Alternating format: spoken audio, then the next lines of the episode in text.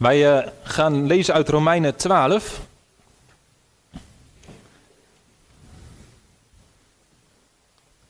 Een brief van Paulus in het Nieuwe Testament. Romeinen hoofdstuk 12. En we lezen het hele hoofdstuk. Zoals gisteren ook al is gezegd door uh, Jos, elk jaar is er een uh, bepaald thema ook voor het winterseizoen. En dit keer gaat het over enthousiasme. En de gedachte, daar, de, de gedachte komt uit Romeinen 12, vers 11. Daar zal het in de preek met name over gaan. Wees niet traag wat uw inzet betreft. Wees vurig van geest en dien de Heer. En sommige vertalingen gebruiken hier ook het woord enthousiasme. Ja, dus we lezen heel Romeinen 12 en in de preek spitsen we toe op vers 11. Ik roep u er dan toe op, broeders, door de ontfermingen van God, om uw lichamen aan God te wijden als een levend offer, heilig en voor God welbehagelijk. Dat is uw redelijke godsdienst. En word niet aan deze wereld gelijkvormig, maar wordt veranderd door de vernieuwing van uw gezindheid, om te kunnen onderscheiden wat de goede, welbehagelijke en volmaakte wil van God is. Want door de genade die mij is gegeven, zeg ik ieder onder u niet hoger te denken dan hij moet denken. Maar laat hij denken in bescheidenheid, naar de mate van geloof, zoals God die aan ieder heeft toebedeeld. Want zoals wij in één lichaam vele leden hebben, en de leden niet allen dezelfde functie hebben, zo zijn wij, hoewel velen, één lichaam in Christus, maar ieder afzonderlijk leden van elkaar. En nu hebben wij genadegaven, onderscheiden naar de genade die ons is gegeven. Het zij profetie, naar de mate van het geloof. Het zij dienstbetoon in het dienen. Het zij wie onderwijst in het onderwijzen. Het zij wie bemoedigt in het bemoedigen, wie uitdeelt in oprechtheid, wie leiding geeft met inzet en wie zich over anderen ontfermt met blijmoedigheid. Laat de liefde ongeveinsd zijn. Heb een afkeer van het kwaad en houd vast aan het goede. Heb elkaar hartelijk lief met broederlijke liefde. Ga elkaar voor in eerbetoon. Wees niet traag wat uw inzet betreft. Wees vurig van geest. Dien de Heer. Verblijd u in de hoop. Wees geduldig in de verdrukking. Volhard in het gebed. Wees deelgenoot in de noden van de heiligen. Leg u toe op de gastvrijheid. Zegen wie u vervolgen. Zegen hen en vervloek hen niet. Verblijd u met hen die blij zijn en hel met hen die huilen. Wees eensgezind onder elkaar. Streef niet naar de hoge dingen, maar houd u bij de nederige. Wees niet wijs in eigen oog. Vergeld niemand kwaad met kwaad. Wees bedacht op wat goed is voor alle mensen. Leef zo mogelijk, voor zover het van u afhangt, in vrede met alle mensen. Wreek u zelf niet, geliefden, maar laat ruimte voor de toorn. Want er staat geschreven: Mij komt de wraak toe. Ik zal het vergelden, zegt de Heer. Als dan uw vijand honger heeft, geef hem te eten. Als hij dorst heeft, geef hem te drinken. Want door dat te doen zult u vurige kolen op zijn hoofd hopen. Word niet overwonnen door het kwade, maar overwin het kwade door het goede.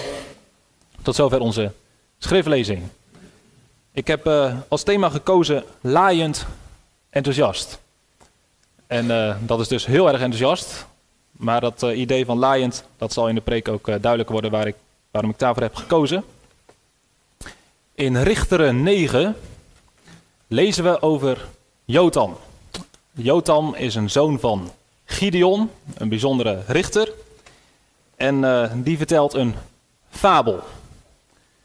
En die fabel die gaat over bomen. En die bomen die zoeken een koning.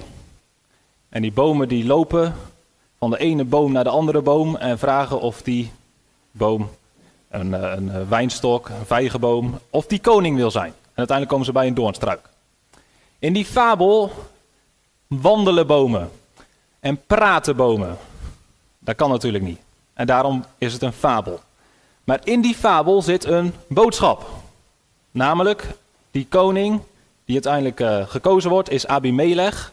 Ook een zoon van Gideon. Heeft al zijn andere broers gedood. En het was een verkeerde keus van het volk om hem tot koning te maken. Dat was de boodschap van die fabel. Nou, ik ga vanmorgen Jotam nadoen, proberen, door ook een fabel te vertellen. En dat gaat niet over bomen, die kunnen lopen en praten, maar over houtblokken, die kunnen lopen en praten. En uh, het is dicht bij de kerk gebeurd, want hierachter stonden een poosje geleden nog hele grote, sterke, stevige bomen. Maar op een gegeven moment kwam daar een einde aan doordat mannen, en ik heb beloofd hun namen niet te noemen vanmorgen, kwamen met een zaag en met een hakbel en die maakten er kleinere stukjes van. En zo ontstonden houtblokken. Een van die houtblokken, die werd net als de andere houtblokken gelegd op een stapel. Hij wachtte een onzekere toekomst en had geen idee waar dit zou eindigen. Hij vroeg het aan zijn linkerbuurman, aan zijn rechterbuurman, aan zijn bovenbuurman. Niemand wist het.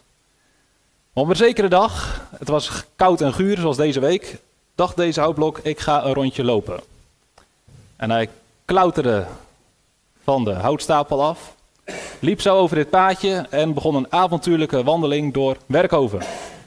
Maar zoals ik al zei, het was koud en guur en nat. En uh, hij werd er een beetje somber van. Maar toen zag hij bij een huis een open deur. En dacht, laat ik daar naar binnen gaan. En dat was een goede keus. Binnengekomen kwam hij in de woonkamer en dan zag hij een mand met soortgenoten. En naast die mand, later begreep hij dat mensen dat een kachel noemen, waren ook soortgenoten. Alleen deze soortgenoten waren heel anders. Die stonden in vuur en vlam. Ze gaven licht en warmte. Ze waren laaiend enthousiast. Dat houtblok dat vroeg zich af hoe dat toch mogelijk was. Dus hij vroeg aan die houtblokken in de kachel: Wat maakt jullie zo laaiend enthousiast? Hoe kan het dat jullie licht en warmte verspreiden? Nou, zei een houtblok, ik kan het je wel vertellen. Kort geleden lag ik nog in die mand. Maar toen ben ik naar de kachel toe gegaan en ik ben erin gegaan en al snel sloeg de vonk over. En ook ik werd laaiend enthousiast en begon licht en warmte te verspreiden. Houtblok keek een beetje vreemd. Hij kon zich niet goed voorstellen dat hij ook zo kon worden, want hij was immers nat en somber en totaal niet laaiend enthousiast. Toen zeiden die houtblokken in de kachel, misschien moet je er ook in komen. Dan kan het maar zo dat je ook laaiend enthousiast wordt. Ondertussen gebeurde er iets vreemds. Namelijk in die mand begonnen ook houtblokken te bewegen. En een van de houtblokken die stapte uit de mand. Maar in plaats dat hij naar de kachel toe bewoog, bewoog hij bij de kachel vandaan. Hij verdween door de deur naar buiten. Nou, dat houtblok snapte er niks van, want hij was van buiten gekomen en hij wist dat het daar somber en guur was en dat daar geen kachels waren om je in vuur en vlam te zetten. Dat was voor hem een extra aanzet om dichter naar de kachel toe te gaan. En hij stapte in de kachel en weldra sloeg de vonk over en werd ook hij laaiend enthousiast. Nou, zoiets, dat was de fabel. Wat betekent dit? Wat is de boodschap van deze fabel? Nou, ik heb als goed is vijf soorten houtblokken genoemd. De houtblokken die buiten op een stapel liggen. Een houtblok dat van die stapel afbewoog richting het huis. In het huis was een mand met ook houtblokken. In het vuur waren houtblokken. En er was een houtblok dat uit de mand naar buiten ging. Vijf houtblokken. En dat zijn vijf soorten mensen. En dat huis, dat is de kerk. En die kachel is het evangelie. Nou, dit betekent allereerst dat er mensen zijn die niet in de kerk komen. Die zijn niet christelijk en ze hebben geen idee wat het evangelie is. Ten tweede zijn er mensen die uh, vanuit uh, niks gaan zoeken en in de kerk komen. En in de kerk komen ze mensen tegen die wel het evangelie kennen, die daar vertrouwd mee zijn, die de Bijbel hebben, die die lezen, die heel veel weten. Maar niet iedereen is daardoor gegrepen. Niet van iedereen staat het hart ook in vuur en vlam. Niet iedereen verspreidt christelijke liefde en lichte warmte. Ze liggen in een mand dicht bij het vuur. De kans is groot dat ze ook vroeg of laat worden aangestoken, maar ze staan zelf nog niet in vuur en vlam. Maar er zijn ook genoeg mensen in de kerk die wel in vuur en vlam staan. Ze hebben het evangelie een keer begrepen en ze zijn erdoor gegrepen. De liefde van God hebben ze ingezien. dat Jezus voor hun aan het kruis is gestorven. En dat heeft hun dankbaar gemaakt en een verlangen gegeven om tot eer van God te leven. Ze schijnen licht en ze geven warmte. Ze zijn laaiend enthousiast. Helaas gebeurt het ook af en toe dat mensen in de kerk langzaam maar zeker afhaken. Ze glippen naar buiten. En de vraag is of ze ooit nog terug zullen komen. Nou, er zijn dus meerdere soorten mensen. En de vraag van morgen is: wat voor soort blok hout bent u? Ben jij? Wat voor soort mensen zijn wij? Zijn wij mensen die het evangelie kennen? Ja, toch? Zijn wij ook mensen die door het evangelie zijn gegrepen? En ik denk dat Paulus in Romeinen duidelijk maakt: van alle christenen is het de bedoeling dat ze in vuur en vlam staan. Het is de bedoeling dat alle mensen die in de kerk zijn ook laaiend enthousiast zijn. Doordat ze de liefde van God hebben begrepen. Zo lief heeft God de wereld gehad, dat hij zijn eigen zoon heeft gegeven. Zodat iedereen die in hem gelooft niet verloren gaat, maar eeuwig leven heeft. Het is de bedoeling dat iedereen begrijpt wat die woorden betekenen. Eigenlijk had ik verloren moeten gaan. Maar dankzij Jezus heb ik eeuwig leven gekregen. En dan gebeurt er iets in je hart. Dan ga je schijnen. Dus uh, zijn wij mensen, het hart brandt voor Jezus. Nou, het zou kunnen dat dat niet zo is. Of dat iemand misschien wel zegt, nou, vroeger was dat heel sterk, maar het is een beetje gedoofd, dat vuur. Hoe kan dat vuur gaan branden? Of hoe kan dat vuur brandend blijven?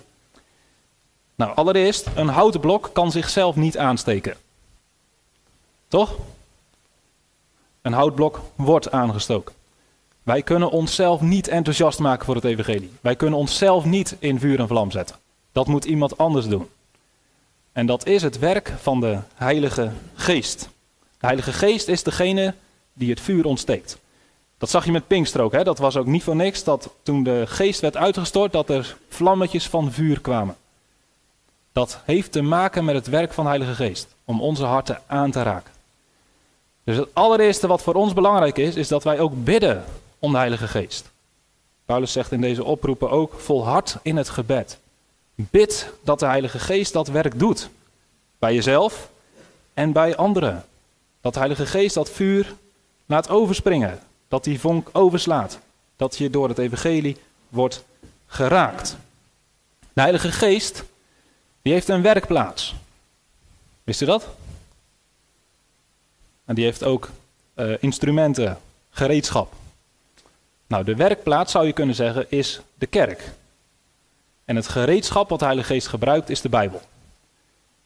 Als de Bijbel open gaat, als uitgelegd wordt wat in de Bijbel staat, en met name als het evangelie wordt verkondigd, dan is de Heilige Geest aan het werk.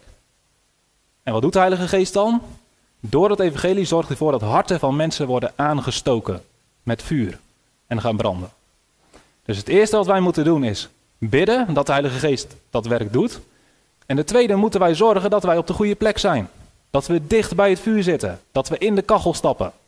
Dat we op de plek zijn waar de Heilige Geest werkt.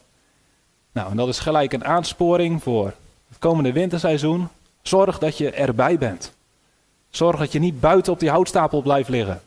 Of dat je juist naar buiten loopt. Maar probeer zo dicht mogelijk bij het vuur te zijn. Zo vaak mogelijk te komen op de plek waar de Heilige Geest aan het werk is. En het kan eigenlijk niet anders. Als je een houtblok maar lang genoeg in de kachel legt, gaat hij vanzelf een keer branden. Als je als christen maar lang genoeg dicht bij het evangelie probeert te komen en hoort wie Jezus is en het verlangen hebt om hem te leren kennen, dan gaat er een moment komen dat je ogen open gaan en zeg je, Jezus, ik kan niet zonder u. U krijgt heel mijn hart en heel mijn leven. Dat kunnen we niet zelf maken. Maar dit werkt de Heilige Geest. En daarvoor gebruikt hij de kerkdiensten, categorisaties, bijbelkringen, vrouwenvereniging, eh, clubs, koor, weet ik Er zijn nog heel veel dingen in de kerk. Er gebeurt echt heel veel. Alle plekken waar de Bijbel open gaat, waar iets gedaan wordt met het woord, daar is de Heilige Geest. En als wij daar ook zijn, dan is de kans groot dat het vuur gaat branden. Dat is denk ik ook het doel van alle activiteiten. Het is geen doel op zich dat we maar uh, heel veel doen en heel veel hebben. Het doel is dat we allemaal christenen zijn, die laaiend enthousiast zijn Dat we allemaal christenen zijn die gegrepen zijn door het evangelie. En dan is het mooi als we zien dat mensen in vuur en vlam staan. Dat mensen die dan nog niet zijn ook in vuur en vlam komen te staan. En dat het vuur zo groeit. En dat we zo samen mogen groeien tot eer van God als gemeente van Jezus Christus. Hebben we daar veel verwachtingen van? Hebben we veel verwachtingen voor het komende winterseizoen? Ik wel, hè? Volgens mij brandt er wel wat vuur in de gemeente. En neemt dat toe. En ik heb er vertrouwen in, ik hoop het, dat we zien dat het elkaar versterkt. En dat het vuur steeds harder gaat branden. We mogen grote verwachting hebben, want we hebben een levende God. En het evangelie is een kracht van God tot zaligheid. Op het moment dat we het evangelie openlijk, duidelijk behandelen, dan gebeurt er iets. Dan werkt de Heilige Geest. Laten we biddend en vol, verwachtend, vol verwachting daarom ook de komende maanden ingaan. Nou, in zekere zin zit hier dus een aansporing in voor iedereen. Wees een ontvanger van het evangelie. Kom bij het vuur. Kom in de kachel. En laat je hart in vlam gezet worden voor God en zijn gemeente. Er is in de gemeente uh, een volgende stap. Allereerst moet je zelf aangestoken worden. Maar op het moment dat je zelf een houtblok bent wat brandt, is het ook de bedoeling dat je andere houtblokken probeert erbij te krijgen en dat je het vuur overslaat. Dat werd gisteren ook mooi gezegd. Uh, jongeren hebben ouderen nodig en oudere jongeren. Vaak zijn het ouderen die het vuur al hebben gekregen. En die mogen dat vuur weer overdragen aan de jongeren. Andersom kan het net zo goed hoor, dat jongeren vurig zijn en ouderen nog weer opnieuw aangestoken moeten. Maar de rest van de preek wil ik daar meer de focus op leggen. Hoe kunnen wij houtblokken zijn die anderen weer aansteken?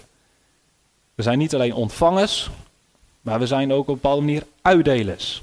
We zijn niet alleen mensen die dingen ontvangen in een gemeente, maar we zijn ook mensen die zich inzetten voor de gemeente. En hoe moet je dat doen? Nou, ik denk dat Paulus in zijn oproepen daarop focust. Uh, nou, bijvoorbeeld op dit moment, de meeste van jullie hebben de mond dicht en zitten met de armen over elkaar passief te luisteren. Dat betekent dat jullie de ontvangers zijn en ik ben degene die nu aan het uitdelen is. Dus wat dat betreft uh, geldt deze oproep bijvoorbeeld nu voor mij. Romeinen 12 vers 11. Wees niet traag wat uw inzet betreft.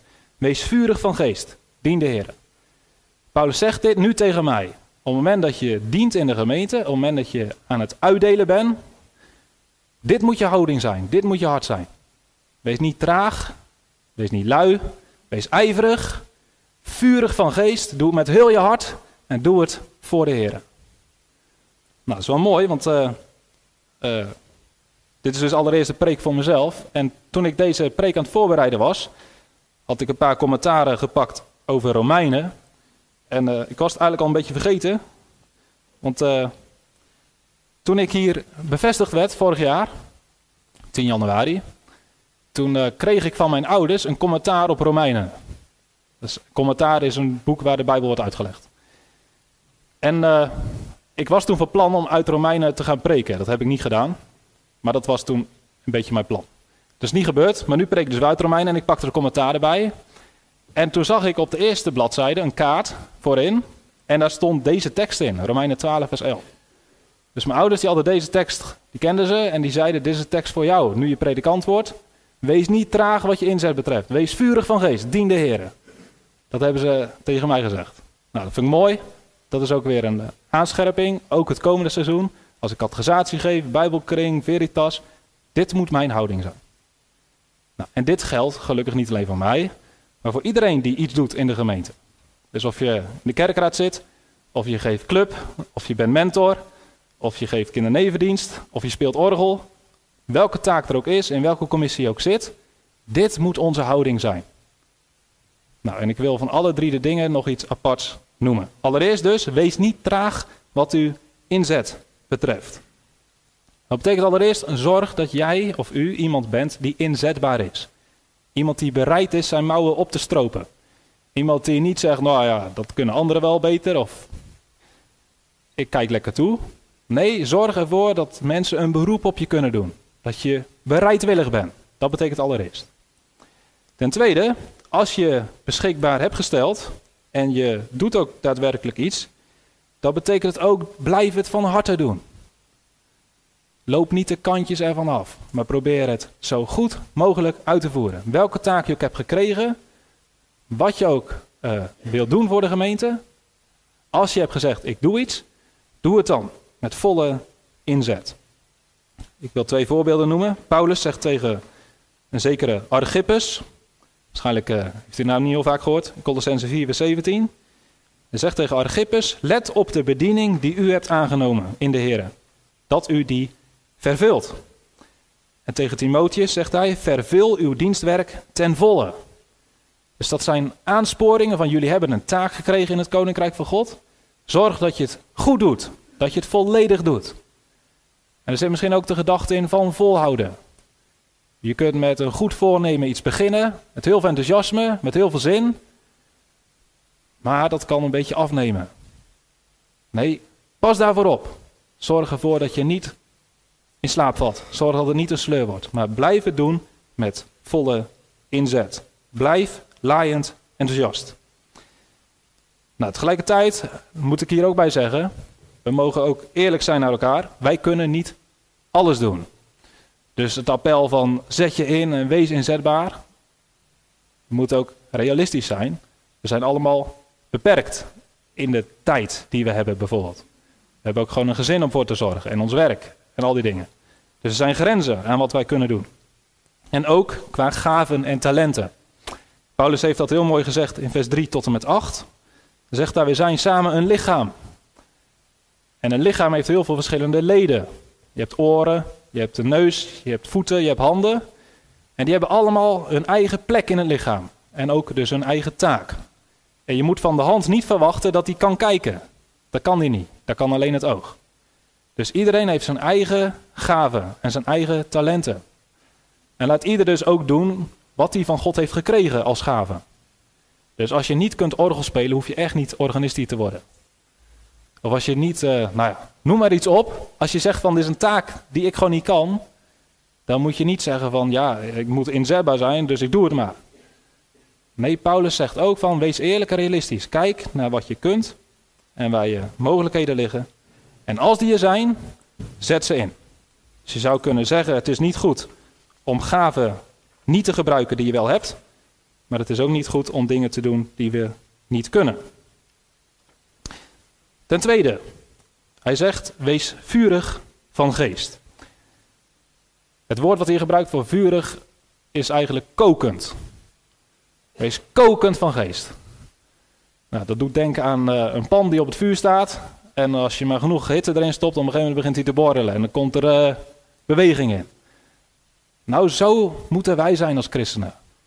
Als we gevuld worden met het evangelie, met de Heilige Geest, dan gaat er iets borrelen en branden. En dan uh, komt er beweging.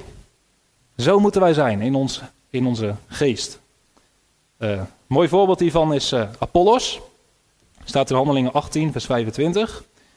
Apollos sprak en onderwees nauwkeurig de zaken van de Heer, omdat hij vurig van geest was. Dus Apollos die was gegrepen door het evangelie, vol van het woord van God, vurig van geest en daarom sprak hij. Je krijgt het gevoel van hij kon helemaal niet zwijgen. Hij kon helemaal niet stoppen met praten. Hij was enthousiast. En hij was daarom extreem dienstbaar. Dacht ik ook aan uh, Jeremia. Jeremia die was als profeet geroepen. En op een gegeven moment, uh, Jeremia die was een beetje moe van alle tegenstand. Hij had een scherpe, veroordelende boodschap. Sterke oproep tot bekering. En anders kwam het oordeel. En dat werd niet echt gewaardeerd door de mensen die hem hoorden. En toen zei hij tegen God, ik ik stop liever met praten. Maar hij zei toen ik dat probeerde, toen werd het in mij als een vuur. Hij kon helemaal niet zwijgen. Hij moest die woorden van God moest hij kwijt. Nou, dus mooi. Als je iets merkt van dat je zo gegrepen bent door Gods liefde, dat, dat anderen jou helemaal niet aan hoeven te moedigen, maar dat ze je eerder moeten afremmen. Omdat je gewoon, je wilt gewoon dienstbaar zijn. En je wilt gewoon de taken die die er zijn, die wil je graag oppakken. Vurig van geest. En mooi is denk ik ook, als we dit werkelijk zijn, dat dat dus aanstekelijk werkt. hoe vuriger we zijn, hoe makkelijker anderen ook door ons weer worden aangestoken. Hoe beter we dienen en hoe meer we tot zegen zijn van anderen. En dan tot slot de derde oproep in vers 11. Dien de Heere. Waarom zegt Paulus dat? Nou, misschien zit er een, uh, een contrast in, een tegenstelling met dienen van mensen. Paulus schrijft bijvoorbeeld in Colossense tegen slaven, werknemers in die tijd. Alles wat jullie doen, doe dat van harte. Als voor de Here en niet voor mensen. In de wetenschap dat u van de Here als vergelding de erfenis zult ontvangen. Want u dient de Heere Christus. We zeggen als jullie je werk doen, doe het dan allereerst voor God en niet per se voor de mensen. Dien de Heer. Dus als je in de gemeente je inzet, als je op een of andere manier actief bent, doe dat dan niet allereerst voor die mensen, maar doe het tot eer van God. En dat voorkomt ook dat we misschien met een verkeerd motief in de gemeente aan het dienen zijn. Want het is heel uh, misleidend, hoe zeg je dat, verleidend, om uh, dingen te doen zodat anderen jou complimenten gaan geven. Dat anderen jou gaan eren. Dat je doet om eer van mensen te krijgen. En als dat je motief is in het dienen, dat is niet goed. Want je moet niet allereerst mensen dienen, maar je moet God dienen. En alles wat je doet met het verlangen dat Hij verheerlijkt wordt. En dat zijn gemeente wordt opgebouwd. En als we die houding hebben, dan uh, zijn we zeker dienstbaar aan mensen. Maar we zijn boven alles bezig met het dienen van God. En ik denk dat je dan ook niet heel veel eer of bevestiging van mensen nodig hebt. In dit uh, licht is het misschien ook goed om te zeggen: er zijn redenen om gedemotiveerd te worden. Om te, dat enthousiasme te gaan verliezen. Juist als je heel actief inzet en je hebt het gevoel dat dat niet gewaardeerd wordt of te weinig wordt gewaardeerd. Dat je misschien teleurgesteld wordt over wat je doet en het effect daarvan. Dat je misschien gefrustreerd raakt, omdat anderen misschien zelfs kritiek geven op wat je doet. Nou, dat zijn allemaal dingen die je kunnen ontmoedigen in het doen van het goede. Nou, laat dan nooit zo zijn, ook al waardeert niemand wat je doet. Bedenk dan, maar ik doe het voor God. En dat is voldoende om door te gaan. Paulus zegt in de brief aan de Thessalonicense: Word niet moe om goed te doen. Dus misschien denk je op een gegeven moment: Ik doe nu al zo lang en nu is een keer iemand anders aan de beurt. Of uh, is het al die inspanning wel waard? Dat zijn allemaal dingen die ons kunnen afremmen en demotiveren. Nee, zegt Paulus, wees niet moe om het goede te doen. Ga door, hou vol. En wat moet dan je motor zijn? Wat moet dan je drijf blijven? Nou, bedenk maar wie God is. En wat Hij allemaal voor jou heeft gedaan. Bedenk dat Hij zijn zoon voor je liet sterven aan het kruis. Dat Hij je eeuwig leven geeft. Dat je een koninkrijk mag binnengaan straks. Alles wat God heeft gegeven. Is dat niet genoeg reden om te zeggen, Heer God, ik dien U. En ik ben voor U beschikbaar. Ik wil mijn leven aan U toewijden. God is onze inzet. Onze tijd en toewijding. Ons zwoegen en zweten. Meer dan waard. En tot slot, Paulus zegt tegen de Colossenzen ook: Jullie zijn dienstbaar aan de Heer en jullie zullen van Hem een vergelding krijgen, een beloning. Dus als je God dient, als je je inzet voor Hem en zijn gemeente, dan word je daarvoor beloond. Paulus zegt uh, in Hebreeën 6: God is niet onrechtvaardig dat Hij uw werk zou vergeten en de liefdevolle inspanning die u zijn naam hebt bewezen, doordat u de heiligen hebt gediend en nog dient. Dus God die ziet dat wat je doet voor hem en voor zijn gemeente. En hij is niet onrechtvaardig. Dat betekent, als je rechtvaardig bent, dan geef je iemand wat hij verdient. Als iemand uh, verkeerde dingen doet, dan ben je rechtvaardig als je die persoon straft. Maar als iemand goede dingen doet, dan ben je rechtvaardig als je die persoon beloont. En hier zegt Hebreeën, als je dus goed doet, weet, misschien worden, word je door mensen er niet om gewaardeerd, Misschien geven mensen je niet de beloning die je denkt dat je waard bent. Maar God zal je zeker belonen. Hij is niet onrechtvaardig. Dus hou vol, span je in. En dan 1 eh, Korinthe 15. Zegt Paulus, daarom mijn geliefde broeders en zusters, wees standvastig, onwankelbaar. altijd overvloedig in het werk van de Heer. In de wetenschap dat uw inspanning niet te vergeefs is in de Heer. Ook een prachtige tekst om gemotiveerd te blijven. Hij zegt hier, hou vol. Wees niet moedeloos. Vertraag niet. Blijf je volledig inzetten. Want we mogen de wetenschap hebben dat onze inspanning niet te vergeefs is. Dat is toch geweldig? Deze preek is niet voor niks, niet te vergeefs. Al die categorisatieuren, al die Bijbel, alles is niet te vergeefs. Want God zal zorgen voor vrucht. Hij zal zorgen voor resultaat. Nou, als we deze teksten in ons achterhoofd hebben en we bedenken wie God voor ons is, laten we dan onze harten in vuur en vlam laten zetten door het evangelie. Om vervolgens zelf ook dienstbaar te zijn aan het evangelie. En uh, de gemeente op welke manier dan ook te dienen. Wij kunnen onszelf niet enthousiast maken. We kunnen onszelf misschien ook niet enthousiast houden. Dat is het werk van de Heilige Geest. Wij gebruiken daarvoor gebed, het woord en ook elkaar. Laten we elkaar aanvuren tot liefde en goede werk. Amen.